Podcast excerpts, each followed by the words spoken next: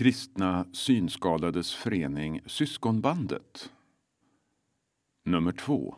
April 2023. Årgång 115. Rubrikerna på första sidan. Tanzania-resan, Journalistskola och Kibreli. Verksamhetsberättelse för 2022. Poddtips, betraktelse, boktips. Syntolkning av bilden på första sidan. Stor bild på syskonbandarna och personalen vid Kibreli Education Center for the Blind. De står utanför centrets entré. Huset är en sandfärgad envåningsbyggnad. En stenlagd gång leder fram till huset. På sidorna om gången finns gräs som torkat av solen. Foto Birger Hansson. Och så det här numrets innehållsförteckning. Från verksamhetsledaren. Hälsning från styrelsen. Medlemsnytt. Utblick Resedagboken del 3. Verksamhetsberättelse för år 2022. Poddtips Dagens människa. Boktips. Och till sist en betraktelse. Jag som läser in tidningen heter Holger Karlov och taltidningen produceras av Darub. Så har vi från verksamhetsledaren. När jag idag kliver ut från stationsbyggnaden i Alvik och känner den friska morgonluften hör jag kyrkklockor alldeles i närheten. Jag stannar upp ett ögonblick och lyssnar för att sen fortsätta med klockorna klämtandes bakom mig på vägen mot syskonbandskontoret. Det är första gången jag hör dessa klockor. Jag visste inte ens att kyrkan fanns där så nära. Klockan är åtta och det ringer till morgonmässa. Klockklangen påverkar mig, fångar inte bara min uppmärksamhet utan leder mina tankar till böner och gör stegen lättare. Jag upplever det som att kyrkklockorna, också de, är en bön, sjunger ut mångas böner. Det slog mig att just i denna stund var det människor som samlades i kyrkan och bad för världen, för denna plats, för mig och andra som rör sig inom dessa klockors hörområde. Jag sänder en bön tillbaka till dem som är samlade i kyrkan jag inte känner och för andra jag inte känner som skyndar fram här till skolor och arbetsplatser. En bön för min arbetsdag som ligger framför med möten som väntar, texter som ska skrivas och samtal som önskas hinnas med. Flera av er som nu läser dessa rader flackade förbi mitt inre och jag sände en bön för er. Bönen vidgades till syskonbandet i stort, för det som är planerat och för det som är ovisst.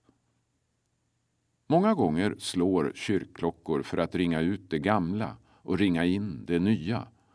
Skiftet till ett nytt kalenderår är ett sådant tillfälle och kanske det du först kommer att tänka på.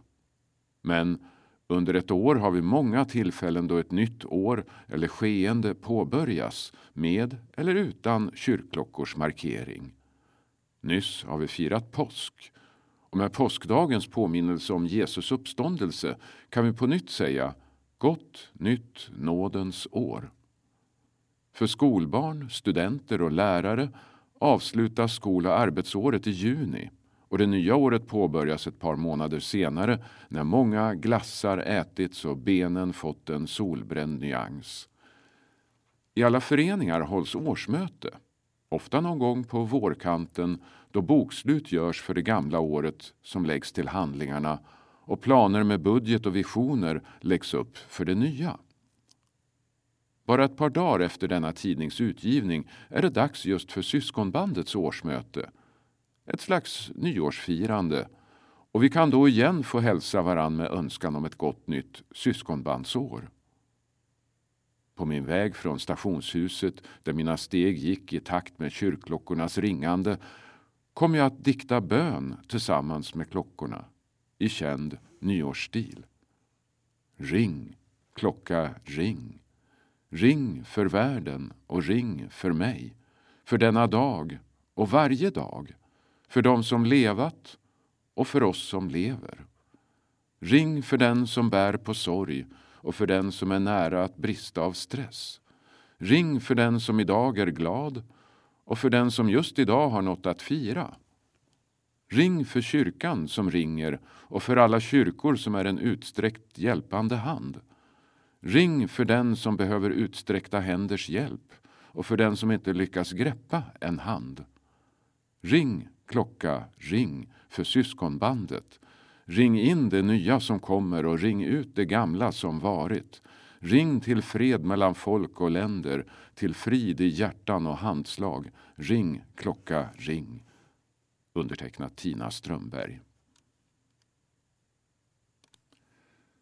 Hälsning från styrelsen. Nu kan vi berätta att vi har en ny ekonomihandläggare. Han heter Patrik Jennerström. Han är inte anställd av syskonbandet utan vi köper tjänsten av honom. Fortfarande söker vi en medarbetare som bland annat kan redigera tidningen. Vi går ut med information om detta på olika sätt, bland annat på vår hemsida, men inte med annons i tidningar. Så här uttrycks i korthet vårt behov av medarbetare. Kristna Synskadades förening Syskonbandet söker medarbetare med kommunikativa och redaktionella arbetsuppgifter. Även möjlighet till utökad tjänst som inkluderar praktiska och administrativa uppgifter samt ibland delta på aktiviteter. 25 till 50 procent. Slutcitat. Så vi söker med andra ord en kommunikatör som även kan tänka sig att delta i övriga uppgifter tillsammans med Tina på kansliet och vara med i våra aktiviteter. Den här tidningen utkommer alldeles in på årsmötet. En delvis ny styrelse blir det och definitivt ny ordförande. Jag, Lars-Ove, som skriver detta, avgår nu ur styrelsen. Det är fascinerande att tänka på att syskonbandet har haft en obruten verksamhet sedan 1908. Det är alltså 115 år nu. Människor och förhållanden växlar över tid men vår Gud är evig och trofast och ger nåd för nya tider. För styrelsen Lars-Ove Arnesson. Medlemsnytt. Vi välkomnar nya medlemmar. Rickard Spele, Stockholm. Sigbritt Jansson, Göteborg. Britta Eskils Janse, Sundbyberg, stödjande. Karin Widman Boliden, stödjande. Till Fridens hem. Lilian Arheden, Söderhamn. Elise Viggen, Stockholm. Syntolkning. En överblommad maskros syns underifrån mot en blå himmel. Utblick. Nu är det återigen dags att hänga med till Tanzania och fortsätta med vår följetong där vi följer resenärerna på deras äventyr. Den här gången får vi bland annat glimtar från Kibreli.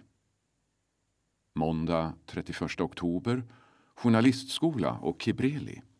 Text Eva Frid, foto Birger Hansson. Dagens andra stopp var på Habari Malum College.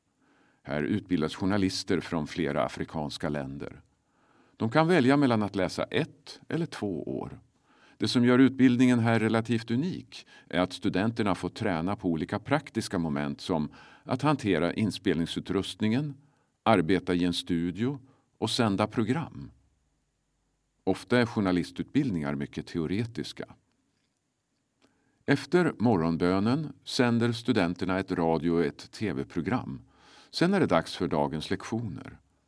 Efter lunch arbetar de med olika projekt eller gör sina läxor. Colleget har en koppling till Sverige. I mitten av 2010-talet skedde ett studentutbyte med Sunne kommun. Då besökte en delegation från respektive land varandra och utbytte erfarenheter. Vår sista anhalt var på Kibreli Education Center for the Blind. Kristna Synskadades förening Syskonbandet stöttar centrets verksamhet sedan många år tillbaka. Vi blev hjärtligt mottagna av centrets fyra medarbetare. De blev överväldigade när vi skänkte två punktskriftsmaskiner, Perkins, ett antal vita käppar, förstoringsglas, läsglasögon och kikare. Dessa kommer de att dela ut till personer med synnedsättning som de träffar runt om i Tanzania. Allt började 1980 då en missionär från Finland som heter Daisy Grönqvist arbetade på Shule Ya Furaha, alltså Glädjens skola, i staden Tabora.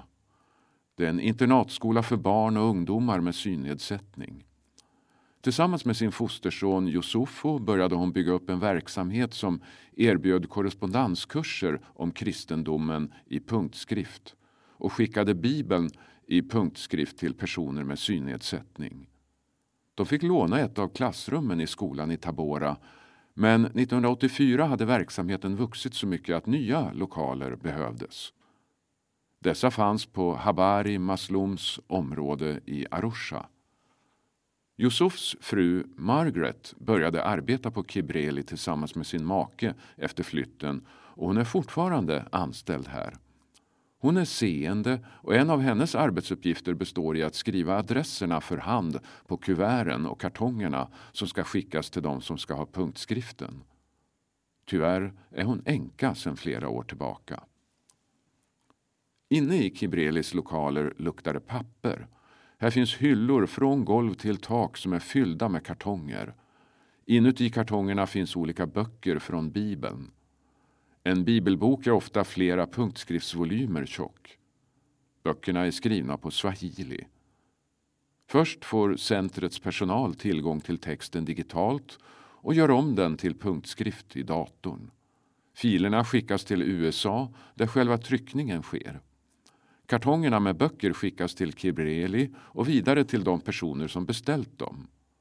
Det är gratis att skicka punktskrift med posten i Tanzania och personerna betalar ingenting för böckerna. Pastor Paul ansvarar för brevkurserna. Han blev blind som barn och gick på internatskolan i Tabora. Där fick han hjälp att komma till sjukhuset. Efter flera operationer och långvarig medicinering fick han tillbaka delar av sin syn men fortfarande har han svårt att se på långt håll. Pastorn kan skriva och läsa punktskrift och det slamrar rejält när han blixtsnabbt skriver materialet till de olika kurserna. Varje kurs är mellan tre och fem sidor lång och eleven får även med ett papper som innehåller olika frågor. Paul hinner skriva ungefär tio kurspaket om dagen. Centret har en punktskrivare. Om den hade fungerat hade Paul sluppit knattra på skrivmaskinen. Men skrivaren är trasig och pengar till att laga den saknas. Dessutom finns närmsta reparatör i Nairobi i grannlandet Kenya. En fördel med punktskrivmaskinen är att den fungerar när det inte finns någon ström. Det är praktiskt, för det är ofta strömavbrott här så här i slutet av torrtiden. Verksamheten finansieras via bidrag från Syskonbandet och KABB, bidrag från kyrkan i Habari Malum och genom att hyra ut ett hus, en bil och en brudklänning och brudnäbbsklänningar. Fram tills idag har ungefär 3 000 personer fått tillgång till Bibeln och annan kristen litteratur tack vare Kibreli. Intresset är stort eftersom litteraturutbudet i övrigt är begränsat till skolböcker. I framtiden hoppas Schenge att verksamheten kan expandera och att swahilitalande personer med synnedsättning i Kenya, Burundi, Rwanda och Kongo kan få ta del av den. Han vill även gärna kunna erbjuda tal eller ljudböcker men det finns inte resurser till i nuläget. Syntolkning. Fyra personer står framför ett bord där de hjälpmedel som syskonbandet hade med sig till Tanzania står uppställda. På bordet syns bland annat två punktskriftsmaskiner. Vi fortsätter med en verksamhetsberättelse för år 2022, Kristna synskadades förening Syskonbandet. Ordförandens inledning. Se, jag vill bära ditt budskap, Herre, sjunger vi i en missionssång, nummer 89 i den svenska psalmboken. Och det vill vi gärna kunna säga om verksamheten i Kristna synskadades förening Syskonbandet. Verksamheten har pågått oavbrutet sedan bildandet 1908. I ungefär 60 år har föreningen också medverkat till mission bland synskadade i Afrika. Just denna verksamhetsberättelse för 2022 präglas mycket av det internationella arbetet med en resa till Tanzania. På närmare håll var vi värdar för en nordisk konferens. Beslut om att flytta vårt kansli till Ekumeniska centret i Alvik togs i slutet av 2021 och verkställdes hösten 2022. Nu finns syskonbandet mitt bland andra ekumeniska kristna organisationer med många nya kontakter och nära arbetsgrannar för våra medarbetare. Läsningen av denna verksamhetsberättelse blir en påminnelse om vad som sker och kanske också lite ny information för en del av oss. Kansli och personal. Tina Strömberg var fortsatt föreningens verksamhetsledare på en tjänst om 75 procent och Britt-Marie Bergström kanslist och ekonomihandläggare på 50 procent. Med pandemins slut kunde arbetet alltmer återgå till att utföras på kansliet men en del arbete sköttes ändå fortsatt från de anställdas bostäder. I mitten av november avled dock Britt-Marie hastigt och Gun Eriksson kom ännu en gång till vår hjälp på timersättning tills personalsituationen ska vara löst. Isabella Ulfsdotter fortsatte anlitas som redaktör för tidningen på konsultuppdrag. Kansliets sammanträdeslokal på Gotlandsgatan 46 hyrdes ett flertal gånger ut. Dels till Missionsprovinsen och dels till Radio Hope Classic. Några individer hyrde in sig för övernattning.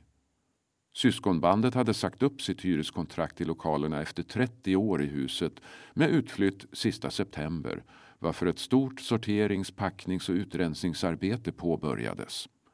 Det intensifierades efter sommaren. Den 28 september gick flyttlasset till Ekumeniska centret vid Alvikstorg i Bromma, en annan del av Stockholm. Kansliet flyttade in i ett eget litet kontorsrum men med tillgång till många andra lokaler och utrymmen, även reception och vaktmästeri som delas med andra organisationer. Datorer och IT-tjänst köptes av centret redan något innan flytten skedde. Podden Klarsyn. Radiogruppen har under året utgjorts av Sofie Sundin, Lena Johansson, Erik Bondesson, Eva Frid, Isabelle Ulfsdotter, Carl G Olofsson och Tina Strömberg. Gruppen träffades den 5 mars på syskonbandets kansli en hel lördag för planering och inspelning bland annat av avsnitt nummer 200. Därutöver har gruppen haft tre antecknade möten på Zoom. Inledningsvis fortsatte en serie om frihet följt av en serie på tema barn i olika aspekter. Sen följde en serie med internationellt tema och särskilt fokus på Tanzania i samband med syskonbandets resa som flera ur radiogruppen deltog i.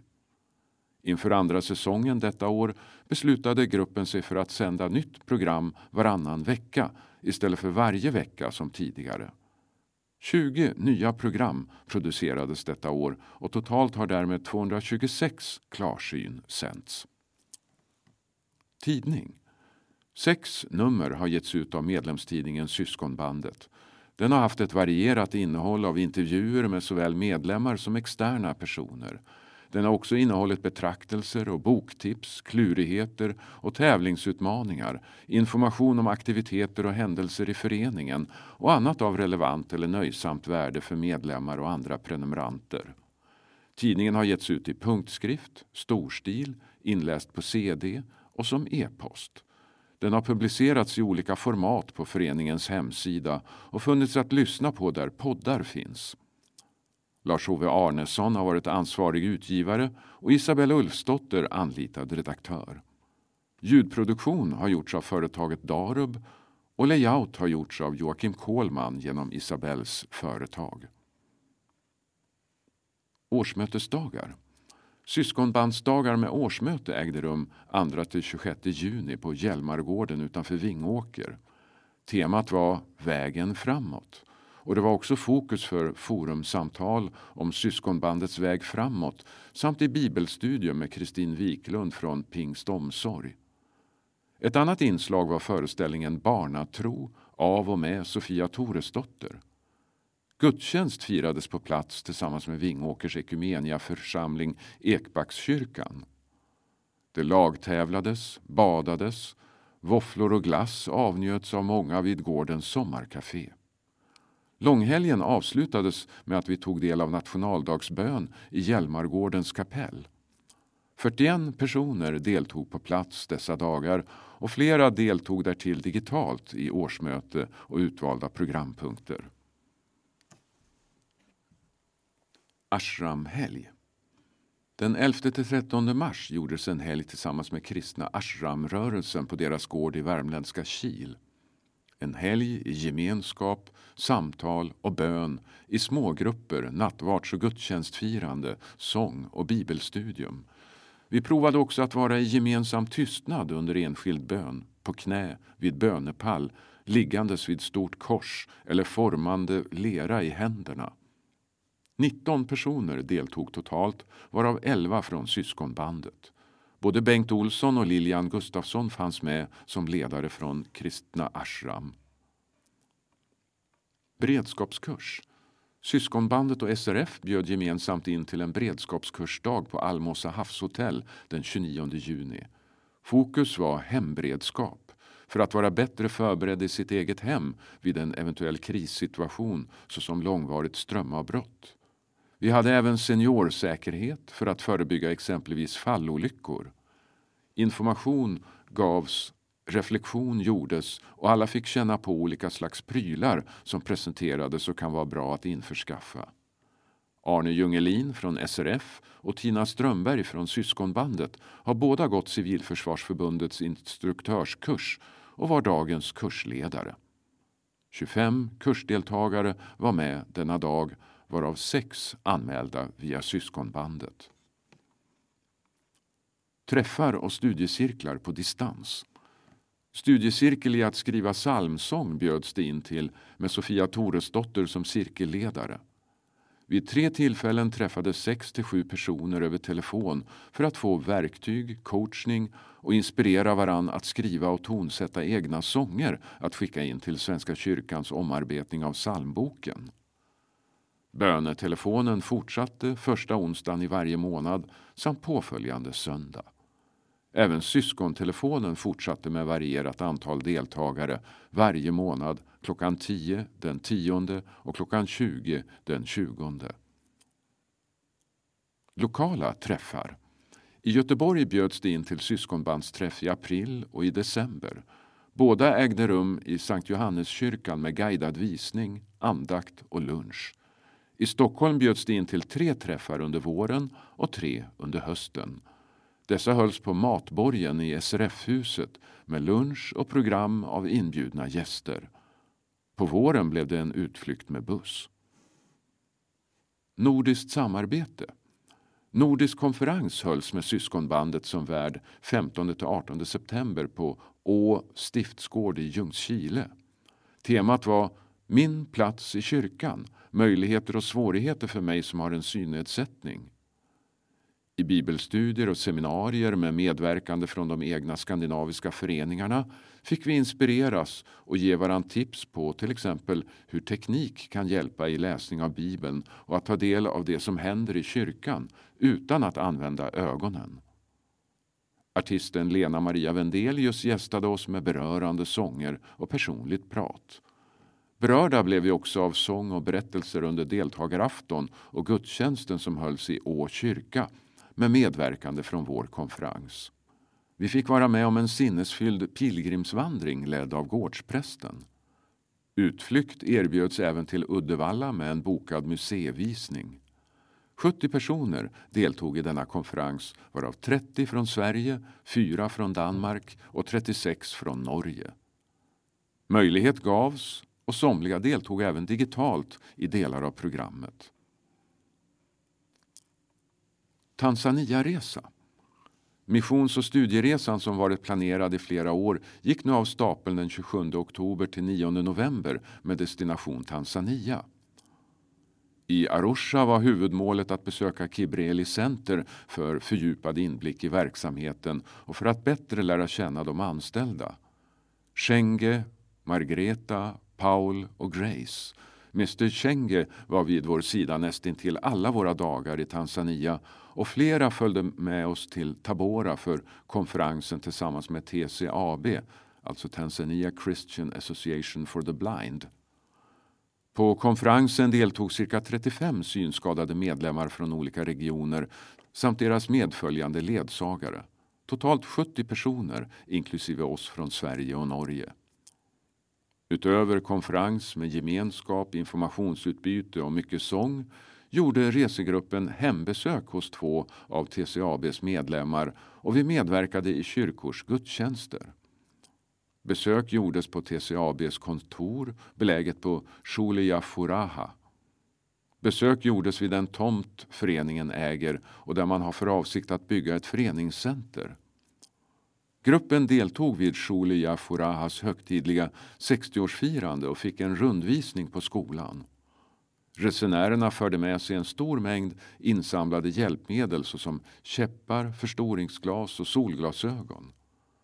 Hjälpmedlen fördelades på Kirbreli, TCAB och Shulia Furaha. Flera andra studiebesök var gruppen också med om under denna resa såsom till olika skolor och projekt för utsatta barn och ungdomar. Masaiby, marknader, kaffeplantage och nationalpark besöktes. Yttre mission. Syskonbandet har i år sänt 35 000 kronor i stöd till de verksamheter som ryms inom det vi kallar vår yttre mission och tillsammans med 24 000 kronor från norska KABB till detsamma har vi gett ett stöd om cirka 59 000 kronor fördelat enligt följande. BCA 18 000 kronor. UFSAMC 18 000 kronor.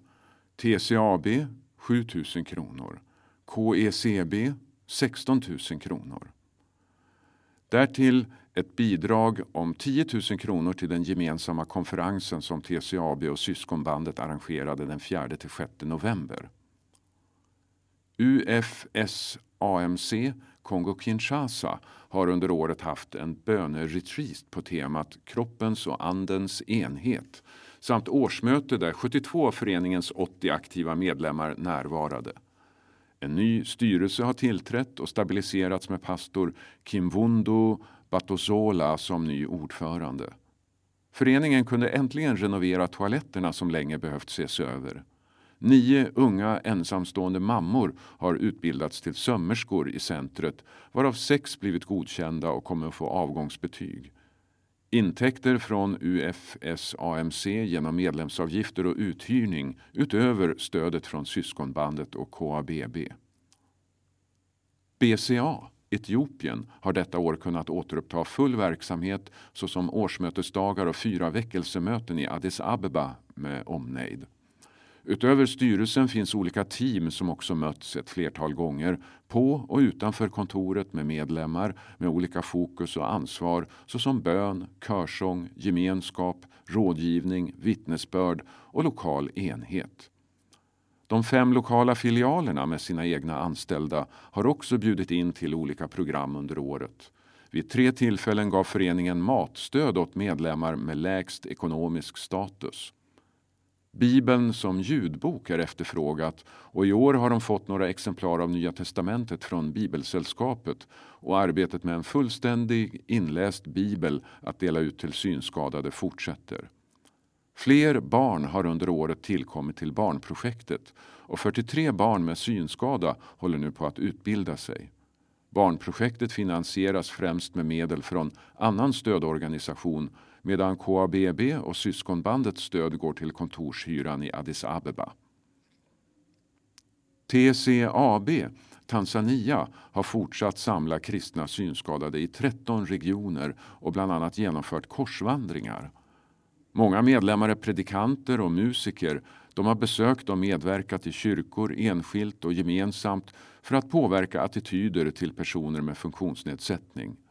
Den stora satsningen i år har varit konferenshelgen den 4-6 november i Tabora med medlemmar tillresandes från hela landet och från Skandinavien. Allt arbete bedrivs med ideella krafter, huvudsakligen från kontoret i Tabora. Kibreli Tanzania har fortsatt sitt arbete med evangeliserande och servande med utlåning bland annat av Bibeln och bibelundervisning per korrespondens på punktskrift. Nära hundra nya personer påbörjade under året bibelkursen och totalt tjänar de cirka 800 personer årligen från alla håll i landet och även swahilitalande i andra länder. På grund av trasig punktskrivare har de fått skriva allt till utskick för hand på Perkins maskin och magasinet har utgivits med oregelbundenhet detta år istället för ordinarie varannan månad. Antalet prenumeranter av magasinet har sjunkit mycket och i år skickades det till 200 personer.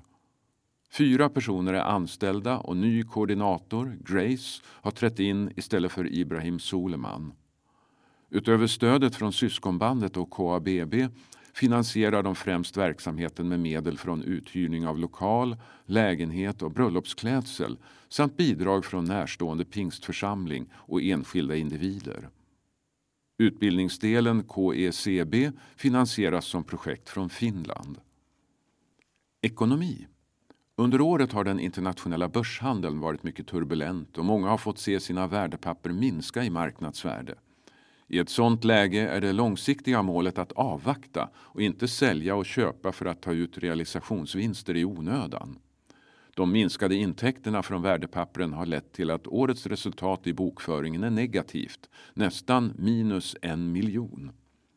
Syskonbandets värdepappersportfölj har minskat cirka 2,5 miljoner i marknadsvärde men likviditeten har varit god och planerad verksamhet har kunnat genomföras.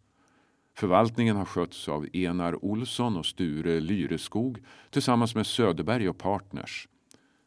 Trots det negativa resultatet har syskonbandets värdepappersportfölj klarat sig bättre än det internationella genomsnittsindex som man kan jämföra med. Förutom intäkter från värdepappersförvaltningen har syskonbandet fått ett ovanligt stort ekonomiskt stöd till ledsagarkostnader från Radiohjälpen och ett stort stöd från en fond förvaltad av Svenska kyrkan. Samarbeten har också gjorts med studieförbundet Bilda som gett bidrag till vissa verksamhetskostnader. Medlemmar har skänkt gåvor både till föreningen i allmänhet och till det internationella arbetet. I samarbete med KABB Norge har syskonbandet skickat totalt 76 000 kronor som allmänt föreningsstöd till de tre afrikanska systerföreningarna och ett stöd till litteraturarbete i Tanzania. Gruppresan till Tanzania genererade ett överskott som har fonderats för framtida internationellt utbyte. Medlemmar. Medlemsantalet var vid årets slut 295 varav 185 kristna synskadade och 110 stödjande. Medlemsavgifter kom in från 131 medlemmar. Under året välkomnades fyra synskadade medlemmar och en stödjande. Till vår kännedom under året har fem medlemmar gått till Fridens hem. Styrelsen. Den nya styrelsen konstituerade sig den 9 juni enligt följande. Lars-Ove Arnesson ordförande, Ann-Kristin Folke vice ordförande och personalansvarig, Sture Lyreskog sekreterare och ekonomiansvarig, Pontus Nyman vice sekreterare, Tesfaye Deriba ordinarie ledamot, Mikael Liljekvist förste ersättare och Ulf Bengtsson andre ersättare. Styrelsen har under året haft tio protokollförda möten varav ett hölls på kansliet på Gotlandsgatan före flytt och ett på Ekumeniska centret efter inflytt där. Övriga möten hölls på Zoom. AU, alltså arbetsutskottet, har haft två protokollförda möten samt ett flertal möten därtill både digitalt och på plats. Efter årsmötet har AU bestått av Lars-Ove Arnesson, Ann-Kristin Folke och Sture Lyreskog. Ordförandes slutord. I inledningen till verksamhetsberättelsen citerade jag ur en ofta sjungen sång. Sista versen av denna lyder så här. Gud, låt oss känna din andes ledning så att vi vet att din väg vi går. Låt elden brinna i våra hjärtan till dess vi målet når. Slutcitat.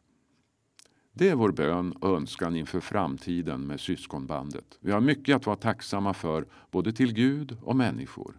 Jag vill tacka styrelsen och kapitalplaceringsgruppen. Också ett tack till våra arbetsgrupper för radio och mission. Vår verksamhetsledare Tina Strömberg har haft ett intensivt år som präglats mycket av förberedelsen för flytten och genomförandet. Dessutom hade vi två arbetskrävande arrangemang under hösten. Att en kollega avlider innebär många konsekvenser i olika avseenden. Jag tackar därför särskilt Gun Eriksson som gett av sin tid och stora erfarenhet av syskonbandet. Men vad vore syskonbandet utan alla sina medlemmar och andra närstående som finns med i bön, givande och andra insatser? Ett stort tack till oss alla med önskan om en givande framtid med vår förening i tjänst för Guds rike. På styrelsens uppdrag ordförande Lars-Ove Arnesson och verksamhetsledare Tina Strömberg. Och så syntolkningar av bilder i verksamhetsberättelsen. I stycket om kansli och personal finns en bild på Tina som står utanför syskonbandets kontorsrum. Bilden är tagen innan inflyttningen är helt klar. Man ser flera flyttkartonger på golvet. På väggen hänger en tavla. Tina står utanför dörren och ler mot kameran samtidigt som hon gör en inbjudande gest mot rummet. I stycket om podden finns en bild på Klarsyns logotyp. I stycket om Ashramhelgen finns en bild på två personer och en ledarhund som promenerar i ett soligt vårvinterlandskap. I stycket om nordiskt samarbete finns en gruppbild på alla deltagarna tagen utomhus framför en byggnad. I stycket om Tanzaniaresan finns fem bilder. En stor gruppbild på alla syskonbandare tagen på Arlanda innan avresan. De tre små bilderna visar ett antal flickor i ett rum med trampsymaskiner. En kör i färgglada kläder samt ett klassrum där flera elever skriver på reglett. Den sista bilden visar massajer i färgglada kläder. Sist i verksamhetsberättelsen finns en exteriörbild på huset där Ekumeniska centret finns och där syskonbandet har sina lokaler. Poddtips Dagens människa. Några av er läsare har uttryckt intresse för tips på poddar som på olika sätt tar upp ämnet kristen tro. Vi tänkte därför bjuda er på en liten artikelserie där ni får bekanta er med några av de poddar som pratar om livsfrågor. Först ut är Dagens människa som produceras av tidningen Dagen. Text Isabelle Ulfsdotter. Allt fler människor lyssnar på podcast och utbudet av poddar växer stadigt. Spökhistorier, ekonomi, politik, humor och allvar. Den som har ett specialintresse kan vara säker på att det finns en podd som tar upp just det ämnet, hur smalt det än må vara. Daniel Wistrand är journalist på tidningen Dagen. Tillsammans med kollegan Malin Aronsson producerar han podden Dagens människa där kända svenskar bjuds in för att samtala om livet, Gud och de stora frågorna. Det var år 2012 när Daniel var föräldraledig som han började lyssna på podd. Intervjupodden Värvet med Kristoffer Triumf blev snabbt en favorit. Daniel blev inspirerad att själv börja podda. Idén var att erbjuda ett liknande format som Värvet, fast med kristen grund. Det visade sig att Daniel bodde i samma Stockholmsförort som Kristoffer. De fick kontakt och bokade in en fika. Daniel tog med sig de tips han fått från Kristoffer. Väl tillbaka på jobbet presenterade han sin idé för kollegorna på dagen. Malin Aronsson som tidigare jobbat på Sveriges Radio hakade på och projektet kom igång. Första avsnittet av Dagens människa släpptes i april 2014. Vi började med att göra fem provavsnitt och fick väldigt positiv respons så vi fortsatte. Nu har vi gjort över 160 avsnitt, säger Daniel.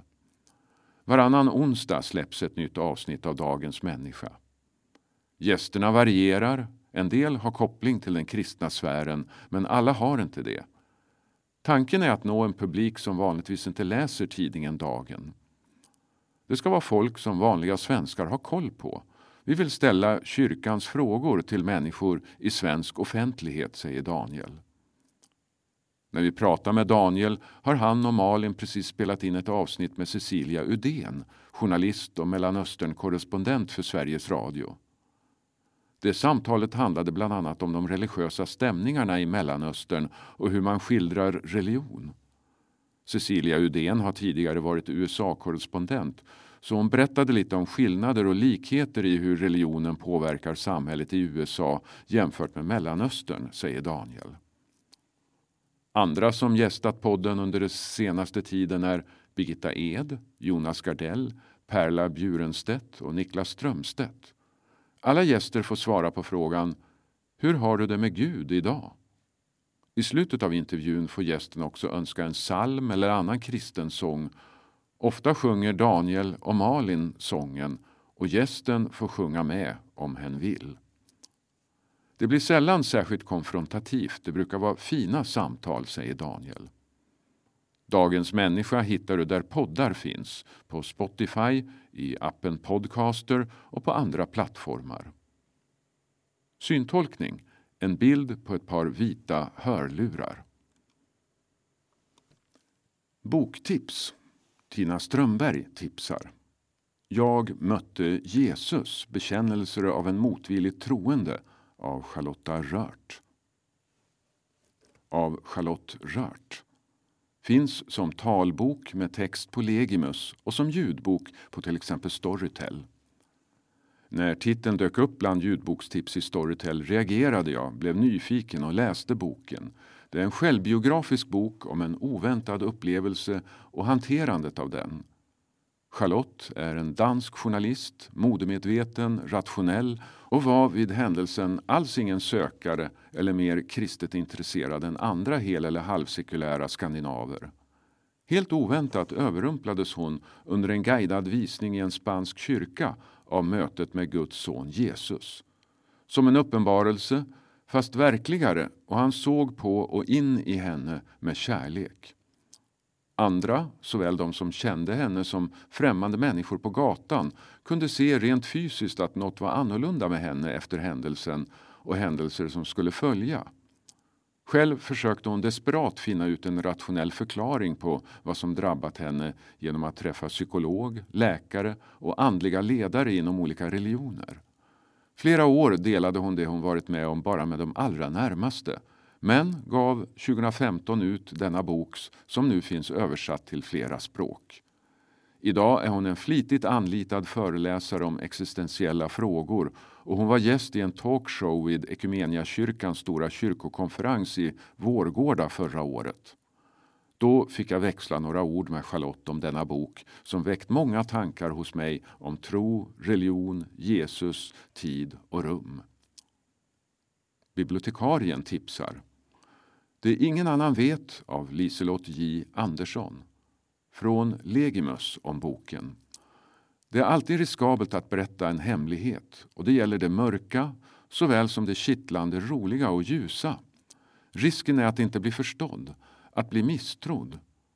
Pastorn och författaren Liselott J Andersson har mångårig erfarenhet av samtal och själavård, inte minst genom möten med människor i samband med besök i olika kyrkor i Sverige. Utifrån temat hemligheter, det undangömda, vill hon dela insikter som samtalen gett henne. Orubbligt hopp av Max Lucado från Legimus om boken.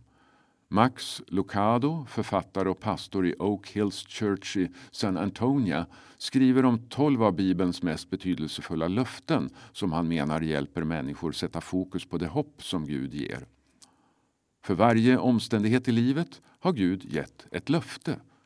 I en värld som är full av osäkerhet behövs inte mer åsikter eller tyckanden utan fullkomliga löftena från en mäktig och kärleksfull Gud. Syntolkning. På sidan finns böckernas omslag. Betraktelse.